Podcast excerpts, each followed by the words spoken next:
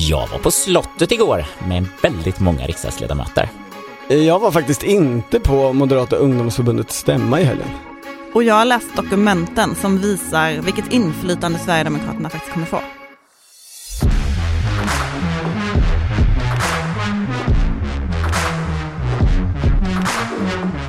Det här är Politiken med Maggie Strömberg och Torbjörn Nilsson. Och Henrik Torehammar. Mycket gripande. I det strilande duggregnet så stod jag finklädd och smög in via borggården på slottet och plötsligt så stod de alla där. Där står Nooshi Dadgostar i någon fin grå rosa glittrig klänning och visar skorna och jämför med andre vice talman Julia Kronlid och jag skriker till mig själv. Var är fotograf-Stina? Mm.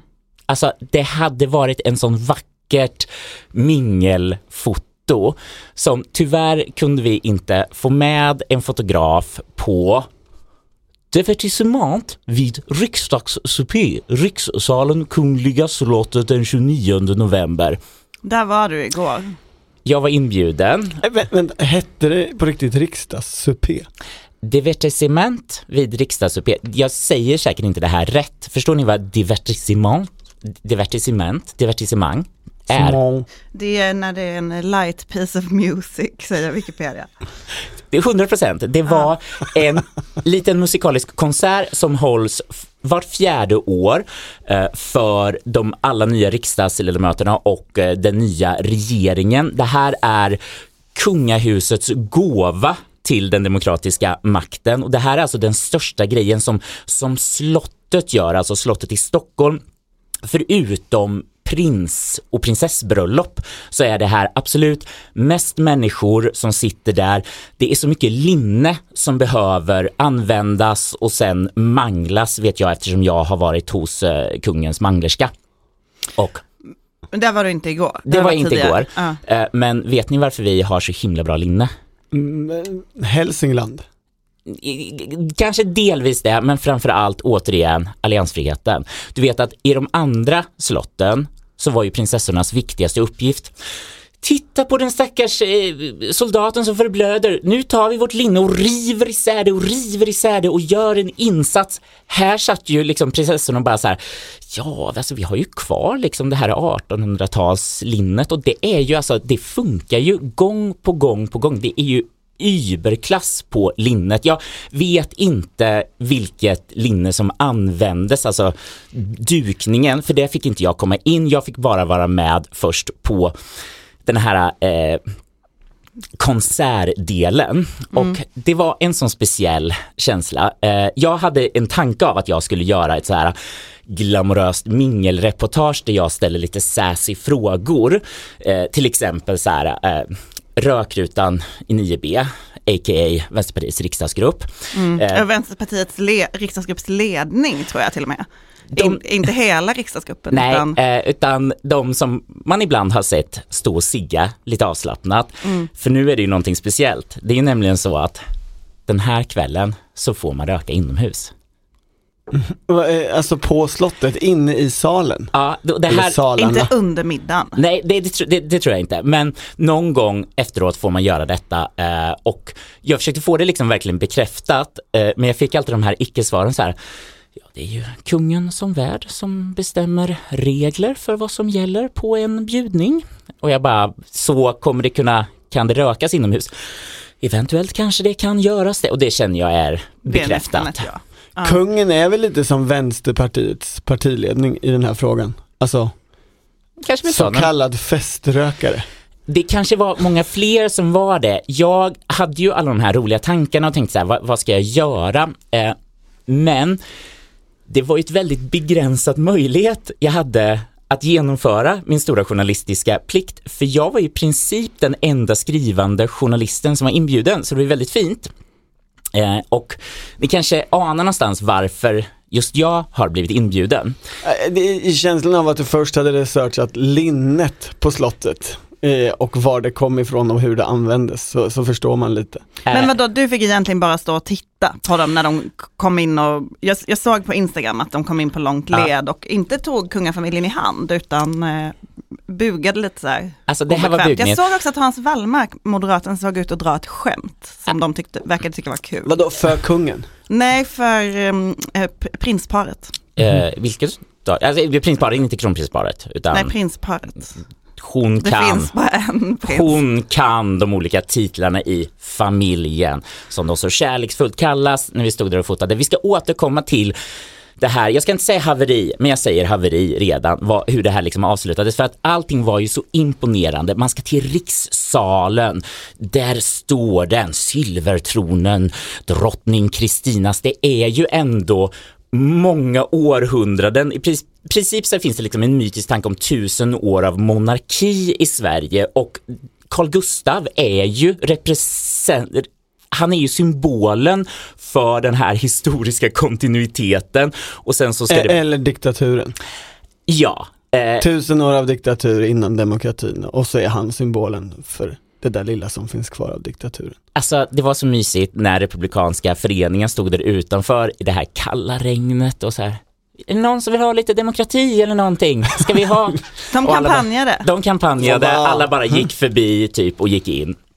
Eh, tillbaka till när jag ska försöka genomföra min eh, journalistiska plikt och gå runt då. Då är det ju så att hovets informationsavdelning hade två personer på mig. Jag tror det var så få skrivande journalister. Gud, det är som när jag var på Moderaternas Stockholms valvaka. Då hade jag också två personer i hälarna hela kvällen. Alltså, Margareta Thorgren, hovets informationschef, hon är ju så härlig. Om jag säger Filippa Reinfeldt-aura.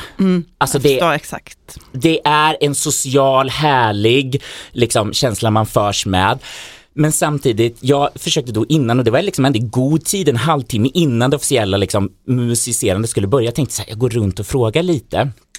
Och eh, jag frågade till exempel eh, Mikael Damberg så här, ja vad, du, du har väl många känslor för det hela. Snabbt hade jag, liksom, jag hade knappt kunnat liksom, fråga någonting innan hon var så här, eh, stör han? Stör han? Eh, för han, han ska inte störa.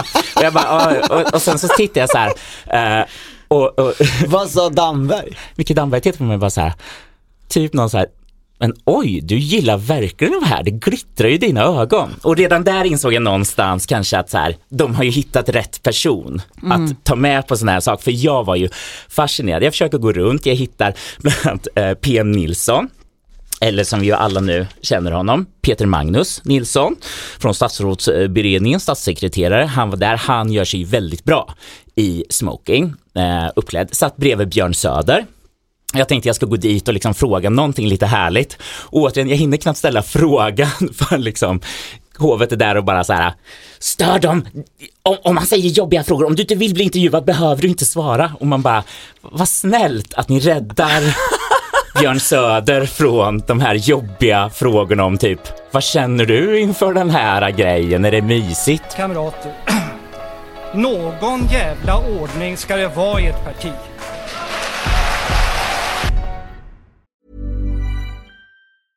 Introducing Wondersuite from Bluehost.com. Website creation is hard, but now with Bluehost, you can answer a few simple questions about your business and get a unique WordPress website or store right away. From there, you can customize your design, colors, and content. And Bluehost automatically helps you get found in search engines like Google and Bing. From step-by-step guidance to suggested plugins, Bluehost makes WordPress wonderful for everyone. Go to bluehost.com/wondersuite. det här har liksom pågått ganska lång tid. Gustav den femtes tid pratades det om eh, att Ja, det det är här länge sedan. liksom har gjorts sen. Jag, jag har inte kollat på hur många gånger det här har gjorts. Eh, men det är en stor grej och sen så finns det också ryktet om att det kommer fram ett groggbord. Är vi, det är också eftermiddagen Eftermiddagen, eller? ja, precis. Så att liksom så här, och typ så här, då blir det lite härligt. Eh, och då frågade jag eh, den lilla renlevnadsmänniskan Oliver Rosengren om det var ikväll. Moderat riksdagsledamot. Ja, Mm. är det ikväll som man kanske liksom tar sig en och han var ja kanske en, en grogg med kungen, ja det skulle väl kunna vara någonting. Och då fick jag också höra en liten anekdot, eh, Ida Drogge, eh, också moderat riksdagsledamot, som berättade att Urban Ahlin hade sagt när hon var ny riksdagsledamot och han liksom var talman så sa han om det här groggbordet att när han var ny riksdagsledamot så var det typ så här han hade aldrig sett så mycket gratis sprit. Så att han hade bara På en och samma plats. Ja, så han bara så här, jag, jag antar att det här vi gör nu, liksom, nu är jag eh, the son of Mariestad som kommer till slottet och nu kör vi. Och han hade gått lite all in och sen tagit frågor från journalisterna när han hade gått ut och det hade tydligt blivit en löpsedel. Jag har inte kollat upp det här och vad det skulle kunna handlat om, men jag tyckte det var liksom men fick detta dig att stanna kvar utanför ihop med Republikanska föreningen? Eh, nej, men det fick mig känslan så här, typ, att jag ville stanna kvar så länge som möjligt. Eh, det var ju också en, en, väldigt spännande liksom, musikalisk det skulle ges en berättelse, jag, jag, jag, tror vi försöker, jag får skriva någon text om det här för det, var- det var så många spännande saker eh, som hände under tiden. M- till exempel under Kungsången, då ställer sig ju alla upp och såklart, alla socialdemokrater stod bara tysta. Det var liksom Ardalan, det var Hultqvist, det var Vadå, Damberg. sjunger de inte Kungsången? De sjöng inte Kungsången vad jag såg då i alla fall. Jag trodde bara det var liberaler som höll på med sånt. Men då kommer det ju sen när nationalsången kommer. Då är Ardalan först upp och typ nästan börjar sjunga innan vi har kommit igång. För han är så redo. Det är skillnad på kungsånger och nationalsånger. Så man hade så många, många känslor eh, i sig allt det här. Och vi fick också en av de finaste anekdoterna eh, utav, de- de hade nämligen en konferencier, professor Mattias Lundberg. Känner ni till den här mannen? Nej. Det gjorde nämligen Emil Aronsson eh, från Sverigedemokraterna. Han bara så, "Åh, jag älskar hans podd på Sveriges Radio. Det var ju verkligen en favorit och det var så många personliga favoriter bland sångarna som var här. eh, Sverigedemokraternas tidigare kulturpolitiska talesperson Ja. älskade någonting på Sveriges Radio. Ja, och han älskade det här. Det är jag ju en nyhet. Ja, men, jag- och jag försökte liksom säga att det var ingenting som kändes lite woke eller någonting. De pratade om typ Ah, han är musikforskare. Han är musikforskare och han berättade eventuellt om pågående forskning, eh, för de sjung, sjöng nämligen Gustav Skål, som är en Bellman-sång till Gustav den tredje och eh, man kanske har hört den någon gång, typ om man har levt i det akademiska livet eller någonting. Eh, Men då sa han så här att det kan vara så att Helan går kom till som en andra stämma till eh, den här Bellman kungshyllningssången. Och då var det liksom ett sus i publiken också, något sorts liksom exempel på hur det här folkliga går bredvid det kungliga och hur de här sakerna påverkar varandra. Så att det var mycket information, det var mycket spännande saker. Eh, jag var som sagt så här bevakad eh, för att liksom ha svårt att jaga, jaga igång allt det här. Men jag tänkte ändå så här, eh, när de frågade så här, vill du vara med på det här eh, när, när det ska liksom vara hälsningen, kungafamiljen som hälsar på alla Alltså de när alla kommer in. Ja, eh, och då kände jag mig så peppad för att kungen, jag har aldrig hört kungen så glad. Och jag kommer inte ihåg exakt vad han sa, men det var i princip så här Gänget! Gud vad härligt vi har det här! Vet du vad? Nu är det fest. Gänget, vi kommer upp här och nu är det coronatider. Folk har lämnat återbud för de har hostat. Så när ni ser mig och drottningen, vi tar inte i hand utan vi bugar lite, vi nickar lite med handen och sådär. Och han hade en sån energi. Sa han det själv? Ja, ja han tog, han liksom gick ju upp och pratade och det var så god känsla. Och man kände så här, just det, det här som man har hört om att en gång var det Tjab och en gång var det partykungen som enligt rykten har kastat sig ut glidande på ett discogolv någon gång på 70-talet och skrivit I'm the king. Och den känslan förstod man någonstans fanns kvar, att det här är en värld. Han kanske inte älskar de offentliga talen och framträdanden, men vet du vad han gillar? Han gillar att vara värd för en fest och det här var liksom, Även om det är tråkiga riksdagsledamöter som kommer dit. ja, så, så ville han ändå sig på något sätt, men man, jag fick tanken att den civilisatoriska kraften i en, en bjudning, i det polariserade klimatet, när det kommer anklagelser så vet du så här, sitt ner vid, på gammalt linne och prata, de, de sitter ju också så här blandat, det finns ju så här eh, någon som har bestämt hur de ska sitta och alla Men det måste ju vara enligt protokollet. Jag såg alltså um, Julia Kronlid till exempel satt Ja. bredvid någon i kungafamiljen, nu minns jag inte vem. Och även eh, Johan Persson, han såg ju så extremt obekväm ut på den bilden jag såg från middagen. Jag tror han satt bredvid Silvia. Han ser ju ofta obekväm ut i och för sig, men Alltså- han hade den luckan. Okej, alla riksdagsledamöter och alla närvarande, ni som vill drop into my DMs och ge era bilder. Om ni vill offentligt eller bara som anonyma källor.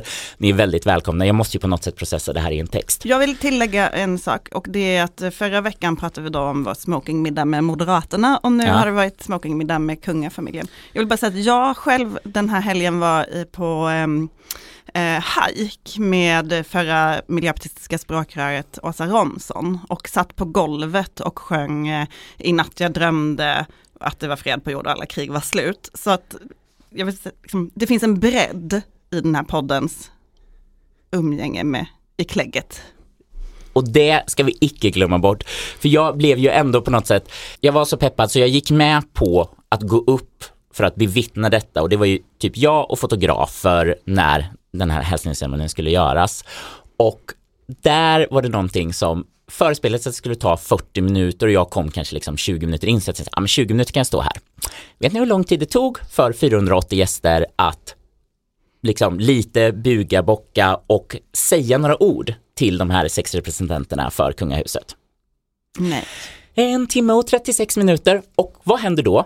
Då får inte jag lämna salen, utan då är liksom jag och fotograferna, vi står liksom fast där. Det här är den gyllene buren som man är totalt fångad i, som man kan säga, nej, det, det, det finns inte. Och där kände jag också, jag är ju en söndagsskolspojke som inte vågar bryta mot detta protokollet. Så jag står lydigt där och bara tittar och det är så många riksdagsledamöter som går förbi, tittar på mig, några skrattar åt mig eh, på ett sätt som får mig känna att eh, jag kanske har sagt eller skrivit någonting dumt om dem. Jag vet inte. Eh, det, det, det var lätt att känna sig lite eh, rädd och, och fångad där. Eh, och framför allt, jag undrar så här, hur kunde de ha felbedömt tiden så mycket i det hela? Och min tanke är, är det här det nya, mest konservativa gruppen av riksdagsledamöter vi hade som nu var så sugna på att ta varje interaktion med kungafamiljen så att det liksom, det var det som, som, som gjorde att det tog för lång tid. Kanske. Det accepterar inte vi. Vi tar inte det. Det går inte. Det accepterar inte vi. Vi tar inte det. Det går inte. Det accepterar vi tar inte det. Det går inte. Det går inte. Vi tar inte Med på den här kungamiddagen, såg jag i gästlistan, var ju också de mäktiga statssekreterarna i samordningskansliet. Mhm. Vad heter de? De heter Per Clareus, Johan Britz, Tobias Karlström och sen så finns det ju en fjärde, fast han har titel kanslichef och det är Gustav Gellebrand, Sverigedemokraten. Han var inte där. Mhm. Alltså, han, han har ju ingen formell, han är ju varken riksdagsledamot eller statssekreterare. Och man börjar ju förstå lite nu hur den här nya regeringen ska arbeta. Bland annat har vi ju läst eh, lite interna promemorior från eh, samordningskansliet och Du, regeringskansliet du om går- hur de ska jobba. du gav ju oss i princip i läxa, läs detta och det var intressant men det var lite jobbigt. Tyckte du? Jag tycker det var jättespännande. För här, det, det, det finns då två dokument som har förhandlats fram i regeringskansliet, som de har ägnat ganska mycket tid åt vad jag förstår, att eh, förhandla fram, om hur man ska samarbeta inom Tidöavtalet, är det egentligen som det handlar om först och främst. Och eh, Tidöavtalet är ju uppdelat i olika projekt, som ni vet. Sju stycken. Ja, och varje projekt, de får nu en styrgrupp, kan man läsa i de här dokumenten, ehm, som, där det ingår statssekreterare och andra politiska tjänstemän från berörda departement och representanter från alla fyra samarbetspartiernas samordningskanslier i statsrådsberedningen. De håller ju på att rekrytera till de här nu. Eh, där ska det ju vara då, eh, alltså tjänste, varje grupp har ett, ett var, varje parti har en ansvarig statssekreterare, de vi nämnde, och sen ett antal tjänstemän, politiskt sakkunniga. Och de ska då in i de här projekten som leds av olika statssekreterare på respektive berört departement. Mm. Migrationen till exempel leds av Anders Hall som är statssekreterare åt Maria Malmer Stenergard. Och just nu håller de på att förhandla fram då eh, i vilken ordning man ska göra olika saker. Tidöavtalet är ju stort, det omfattar ju väldigt mycket. Förra veckan skulle varje projektgrupp skicka in ett förslag på vad man ska göra, i vilken ordning. Ehm, och sen ska de förhandla det i samordningskansliet. Eh, men den här styrgruppen, alltså den här eh, skolgruppsverksamheten, den, är- den är ju eh, en udda sak i regeringskansliet. Eller hur? För först så ska den här styrgruppen sitta och prata om hur de ska ändra migrationspolitiken. Och sen när den styrgruppen är överens så ska de bereda det på vanligt sätt. Alltså beredning i regeringskansliet sker ju ja, genom beredning, alltså att det delas till alla berörda. Vanlig gemensam beredning Exakt. som det brukar kallas. Ja, och därefter så ska de här samordningskansli statssekreterarna få ha sista ordet. Så det är egentligen att man är, det, det, i de här PMen så låter det som att de ska bereda saker tre gånger. Inte nog med det, sen ska det till samordningskansliet. Det är inte säkert att det hamnar hos statssekreterarna, det kan också vara på lägre nivå på samordningskansliet.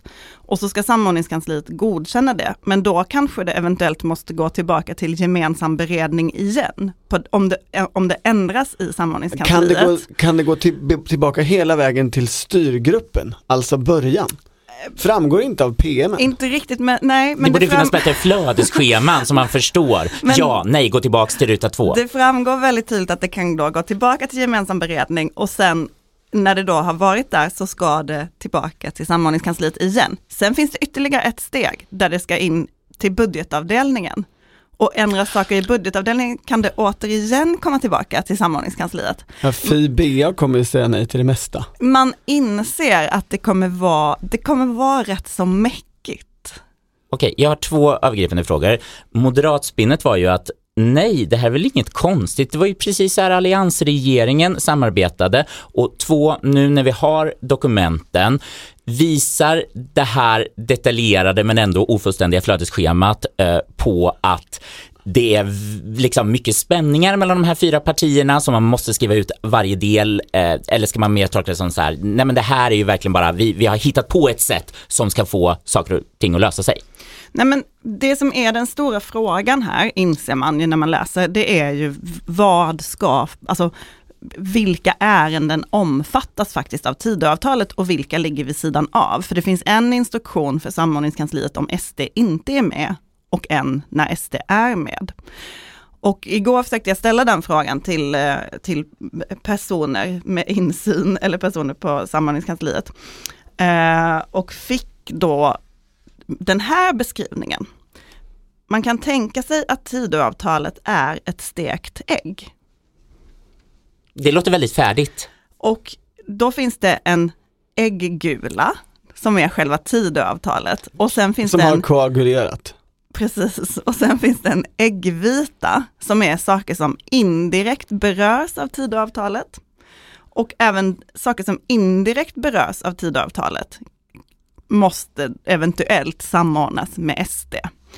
Och då, som det beskrivs, så är det upp till Sverigedemokraterna att argumentera för det. Alltså Sverigedemokraterna måste själva då driva och visa på vad som är en fråga som berörs av SD och varför.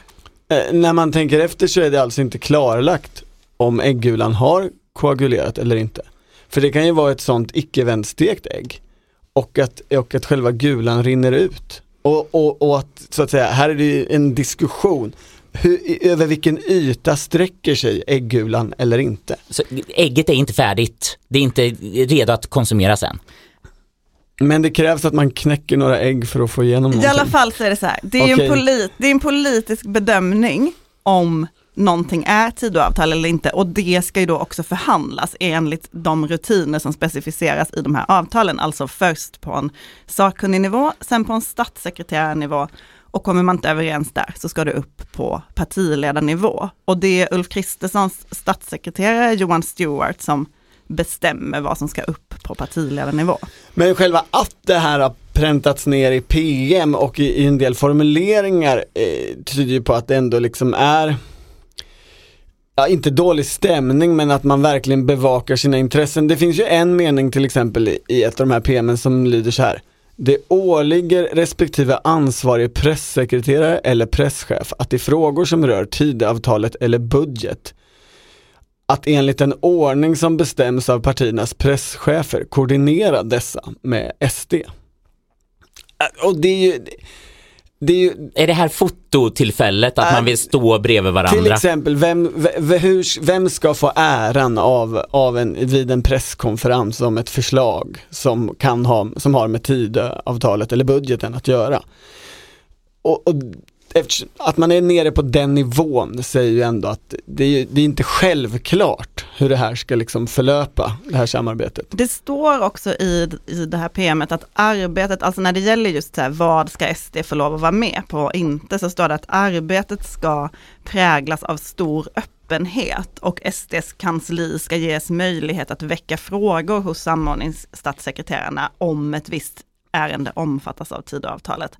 Alltså det finns, ju, det finns ju många skrivningar av typen, som du säger, SD vill säkra sitt inflytande. Så om jag är Gustav Gellebrand, stormar in på eh, Per Clareus eller Tobias Karlströms rum och säger det här är ju för fan en, eh, en Tidöfråga, vi måste få vara med.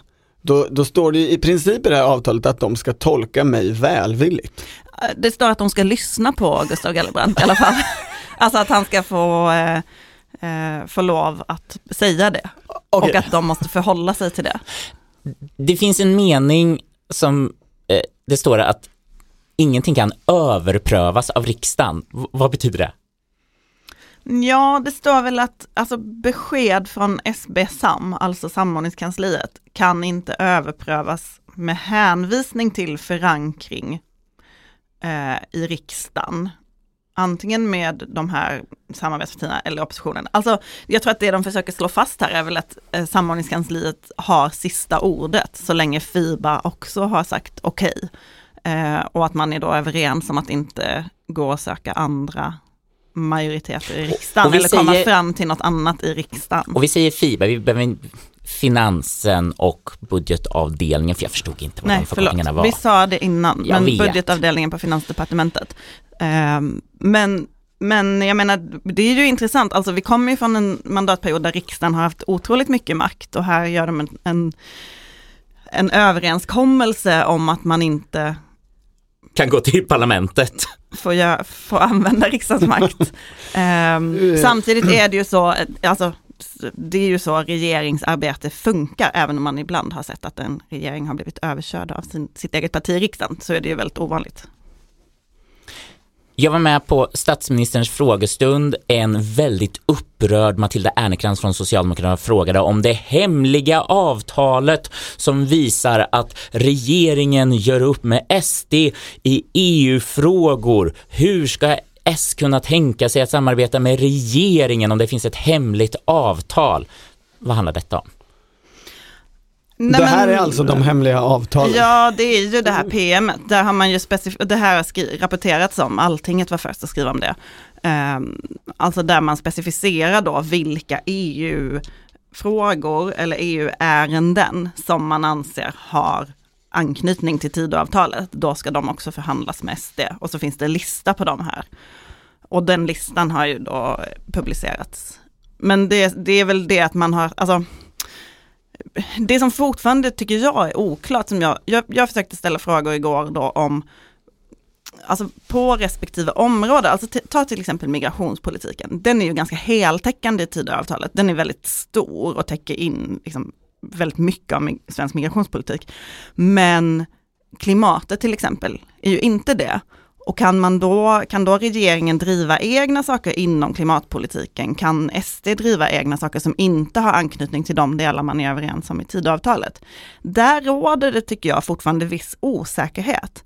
Eh, det går inte riktigt att få ett rakt svar på det. I Teorin är väl, är, eh, är väl svaret ja. Men hur det ska fungera i praktiken? Ja men då är man på den där äggvitan. Ja. Är detta en äggvitefråga eller inte? Och då kommer ju SD såklart alltid hävda att det är det.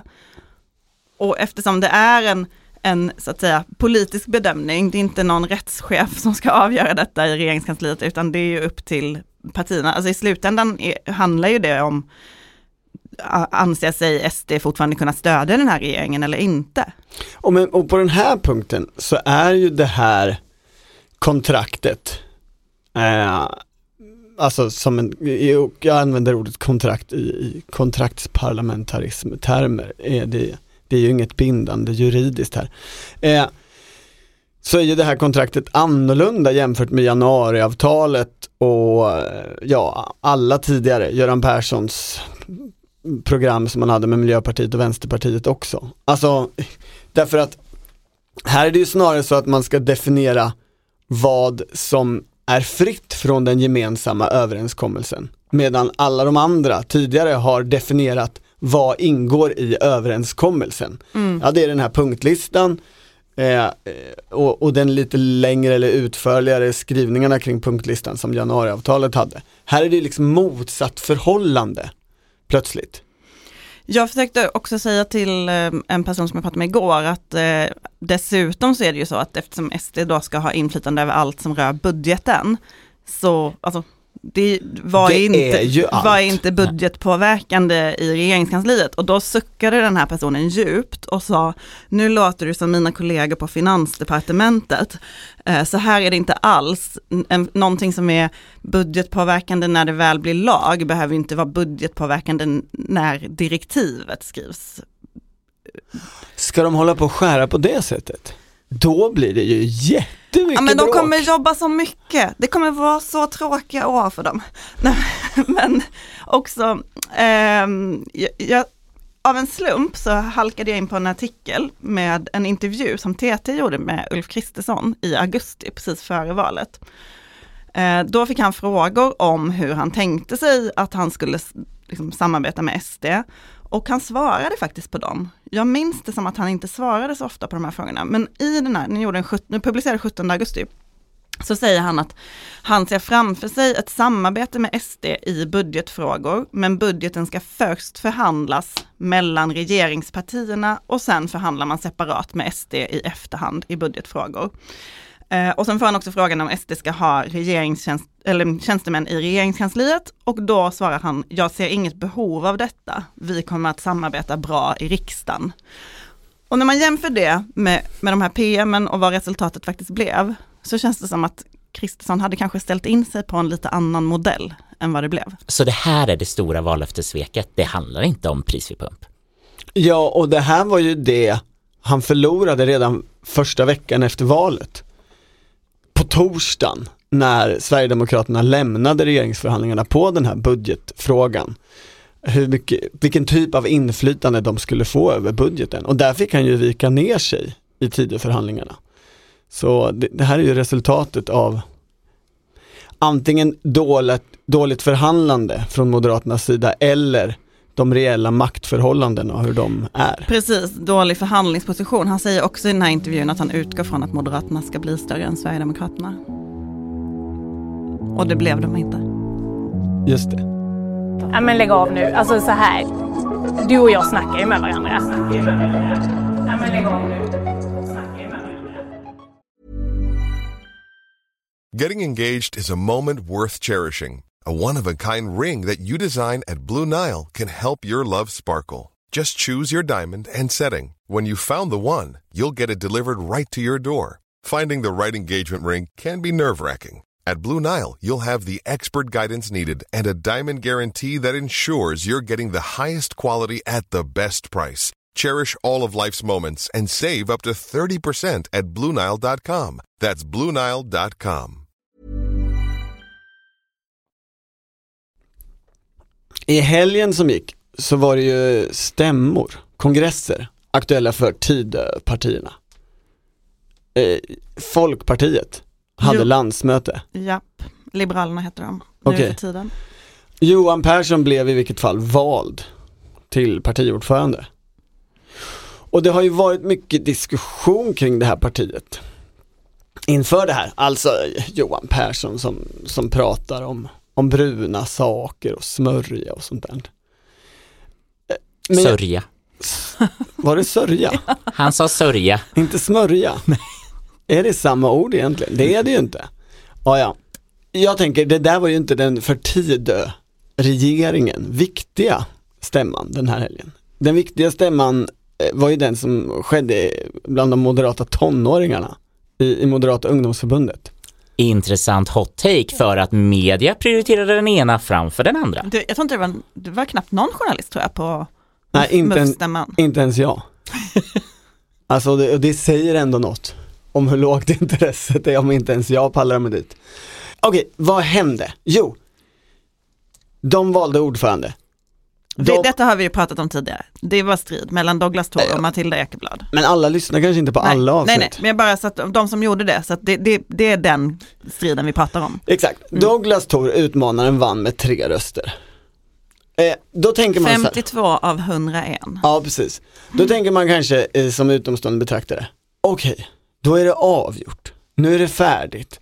Nu kan verksamheten rulla på i sin stilla gång och, och ja, det, det blev den andra sidan, men det, är vad det, det blir vad det blir. Det blir kanske lite annorlunda, men det är liksom klart, slut. Och det är det absolut inte om man ringer lite moderater och försöker förstå det här. Konflikten fortsätter. Den här konflikten kommer fortsätta, som en person uttryckte det som jag pratade med, den här konflikten kommer fortsätta tills vi blir pensionärer.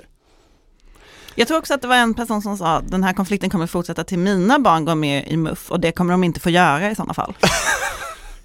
Det spännande här är att Douglas Thor blev ordförande.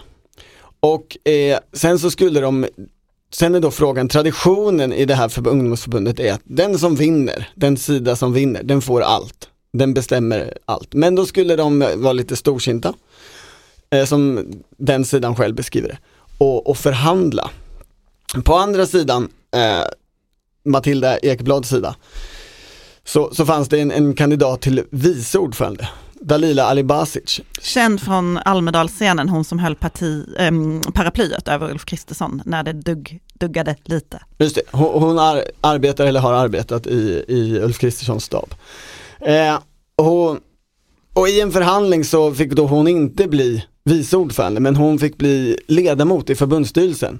Och genom att hon blev det och man tryckte ut en av Douglas supportrarna i förbundsstyrelsen så fick Matilda Ekeblads förlorande sida ändå majoritet i förbundsstyrelsen. De har en röst mer, så Douglas Thor blev alltså vald, men han har inte majoritet i förbundsstyrelsen. Som det ser ut nu i alla fall. Och detta ledde till att första nästa steg när man har blivit vald, är det ska till en ny generalsekreterare. Alltså motsvarigheten till partisekreterare, högsta tjänsteman, chef för centrala kansliet. Och då kommer båda sidorna med varsin kandidat. Och Torsidan inser ju ganska snabbt att alltså vi kommer ju losa det här. För vi eh, saknar ju en röst i förbundsstyrelsen. Eh, på något sätt så lyckas de ajournera hela den här frågan och vad jag vet eh, så har den varit ajournerad sen i helgen och är fortfarande inte löst. Vi spelar in det här onsdag morgon. Kla- klassiskt, eh, klassiskt trick ju. Ja, Och, alltså, jag tror de strök punkten från dagordningen, nej? Det, var, det var när Anders Ygeman eh, skulle bli vice ordförande i SSU på 90-talet. Eh, och sen, sen så klubbades dagordningen väldigt fort och sen upptäckte Anders Ygeman att vad fan, det är ju ingen punkt med val av vice ordförande. De har helt enkelt tagit bort den posten. Ja, mm, det var en annan ungdomsförbundstid. Nej, och man kan nog kanske också säga det att, att eh, Douglas Torsidan fick ajournera den här frågan, kanske var lite storsint av motståndarna. Men det här är nog de enda storsinta dragen i den här, eh, i, i efterspelet till valet av ny, eh, eh i efterspelet till valet av, av ny ordförande i Moderata ungdomsförbundet. För i övrigt, när man pratar med dem så är det ju bara bitterhet på, på båda sidor. Alltså, Douglas Torsidan erkänner så att säga att vi saknar en röst i förbundsstyrelsen nu. Men säger det där kan nog ordna upp sig ganska fort. I den här förbundsstyrelsen så sitter ju nämligen ordföranden i Moderata studentförbundet och ordföranden i Moderat skolungdom. Och de ska eh, byta ordförande, eller det ska vara val kring det i mars nästa år. Fast det hjälper ju inte i den här generalsekreterarfrågan för man måste ju ut sin generalsekreterare nu. Men då eh, säger folk där att ja, men det kan nog ordnas ändå. För den här moderat skolungdomsordföranden som sitter i styrelsen nu, hon heter Josefin Närholm. Hon kommer ju från Alice Landerholms distrikt. Alice Landerholm är alltså en av Douglas Tors eh, främsta eh, riddare här. Eh, Och, också som man hör på namnet, dotter till nationella säkerhetsrådgivaren. Precis, och eh, jag tror att hennes gudfar heter Ulf Kristersson. Okej, så eh, vad man då antyder är att eh, Alice Landerholm som är ordförande i det här distriktet kommer nog övertala den här, eh, jag vet inte hur gammal hon är, Josefin Närholm, men moderat skolungdomar är inte jättegammal. Det Hon är kommer, gymnasiet. ja, hon kommer övertala henne att vända och därmed tilta majoriteten till Douglas Tors fördel. Så att Douglas Tor kan få den generalsekreterare han vill ha. Och det är det som eventuellt pågår i detta nu. Jag tycker att vi behöver ha bättre namn. Jag undrar, är det Torarna mot Ekebladarna? Torisarna? Ekebladisar? Nej men Torahammarna. alltså, det här är ju då, om, om vi är redo att ta oss till nästa dimension av detta, så hade ju vi ett specialavsnitt av Flickorna och pojkarna med anledning Nej, vi skulle ju bort från de glosorna. Det var, det var, vi hade ett mål, men du menar Ja. att nej, det, det går Nej inte. men vi skulle ju det, men när man hör rapporterna från eh, MUF-stämman, vet du vem som satt ordförande? Niklas Wikman? Jessica Rosenkrantz och Sofia Fölster. Två centralgestalter i en gammal falang som inte längre finns. Eh, Eller I- kanske gör. i, ja, jag, finns, jag gjorde med så här kanin, alltså, men det, det syns inte i podd. Nej, det syns jättedåligt på. Men också eh, i lokalen fanns ju Oliver Rosengren, som enligt rapporterna grät när Douglas Thor blev vald. Där fanns också Rasmus Törnblom, den sista eh, vikmaniten i, som MUF-ordförande, han som förlorade mot eh, Benjamin Dosa. Så att det var, man kan säga så här, flickorna och pojkarna var väldigt närvarande i lokalen. Och jag tror, åtminstone bland de där veteranerna så fanns det ju en stark känsla av att nu tar vi tillbaks det här.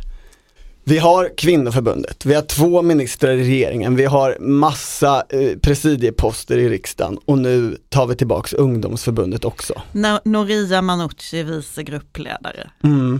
Det säger de också. Alltså så det, det är ju svårt att inte se det här i, i en större, ja i det större spektrat. Och det är ju det som gör att det här har betydelse. Eftersom det här kommer fortsätta så kommer det påverka den här statsministern som är liksom fullt upptagen med NATO-bråk med Turkiet, eh, få till någon form av liksom elprisstöd, bygga kärnkraft, bråka med Sverigedemokraterna i, stats, i, i samordningskansliet, allt möjligt. Men den här, här ser man ju, tycker jag, eh, det liksom riktiga surdegen under mandatperioden eller mandatperioderna framöver, att den här frågan blir liksom aldrig riktigt löst. Vad ska vi göra med de här upprorsmakarna? Jag har ett förslag, tillsätt en styrgrupp. Alltså, ehm, det, det, sägs, det finns ju också lite sura miner bland, eh, Ekebladarna. nej den, den andra sidan, Torarna. pojkarna, av att man tycker att eh, Kristersson har liksom stöttat Matilda Ekeblad för mycket. Ja, Anna, han har Han sagt kom ut som flicka. Han har promotat henne. på, på sociala medier. Och så var han där i, i helgen då och höll ett tal eh, och det var, tycker de, den sidan, lite för positivt. Alltså han hyllade Matilda Ekeblad lite för mycket. Men det är ju också då spännande att Landerholm, dottern, eh, den andra tror jag, eh, den, den större har också varit inne i den här konflikten och på pojkarnas sida, är på pojkas, pojkarnas sida, som i den stora mytologiska bilden har ett enda mål, nämligen att störta Ulf Kristersson och hela hans dynasti. Alltså, pappa ska bli störtad av döttrarna, ni hör, alltså det är bra sagomaterial om inte annat. Men också, man ska också, jag vet inte, påminna sig kanske om att det här är ju barn, liksom. de är ju små. Det är hur små, det är väl ofta myndiga människor vi ändå pratar Ja, om. men inte bara Nej. alltså. Nej men alltså MSU-arna är ju liksom, de är 16-17. Ja, ombuden är Ja, ju unga. alltså- De, som, de som ska liksom bestämma hur ombuden ska rösta är myndiga. Men det är ju inte alltid som ombuden själva är myndiga. Och det är det här som blir det spännande för Moderaterna har ju liksom i sina stadgar gett så pass mycket inflytande till MUF och i sin tradition. Och nu, eh, så liksom det här betyder ju någonting. Alltså ja, de är barn men vi måste på något sätt bevaka det här ändå för att det faktiskt har reell betydelse. Eh, titta på stämmorna, eh, alltså partistämmorna bakåt i tiden så är det ju MUF som har drivit igenom ett antal liksom, stora förändringar. Eh, samtidigt så får man då höra att nu sitter det tydligen en eh, stadgekommitté i Moderaterna som ska se över stadgarna. Så det kanske, alltså det, det vore det smarta sättet att, att lösa det här, alltså bara skruva ner betydelsen. Ni kan, ni kan hålla på ungdomsspråka där borta i ett hörn, men det kommer inte vara så att det är liksom Men förändrar det är partiet. ju inte heller så lätt. Alltså, när, tänk när SSU, eller förlåt, Socialdemokraterna på sin förra kongress försökte göra, eh, alltså ta bort sidoorganisationerna i VU och ge Ja. dem mindre makt. Det, det klar, de klarade inte det. Ska, ska jag komma in och lösa det här? Okej, Mm. du var inne på det. Det låter som en saga. Man skulle kunna göra en sedelärande bilderbok om vad som händer med falangstrider. Men å andra sidan, det är unga människor. Kan de ens läsa bilderböcker? Nej, ni måste ju göra en TikTok, en TikTok med hur illa det kan gå så att de lär sig, nu får vi ge oss med det här. Det är det enda sättet att undvika styrgruppen. Alltså SSUs lärdom, eh, de har ju testat det här två gånger, är ju att eh, dela makten. Alltså ena sidan får förbundsordförandeposten, andra sidan får generalsekreterarposten. Det gjorde ju Mm. första gången efter 81 års strid och sen eh, senare på bara 00-talet. Säga att det heter inte så i SSU. Nej, eh, det heter inte generalsekreterare, det heter förbundssekreterare. Ja. i vilket fall, eh, när jag i samtal med lite olika muffare nämnde den här idén så var de så chockade och så liksom förnärmade. Vadå?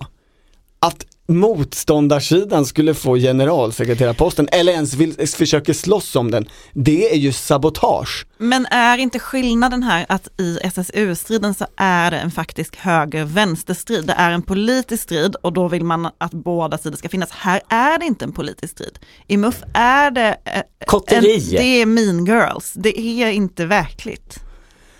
Ja, det har du nog rätt i.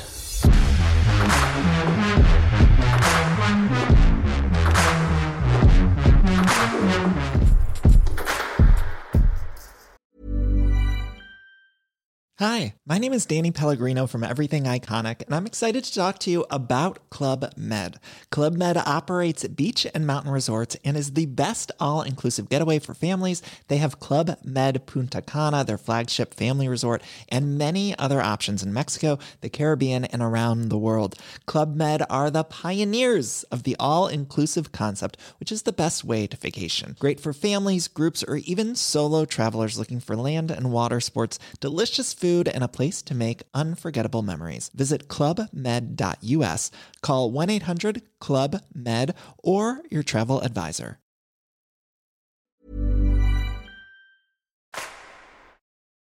Du har lyssnat på Politiken, en podd från Svenska Dagbladet. Producent Mattias Dellert och ansvarig utgivare Anna Karleborg.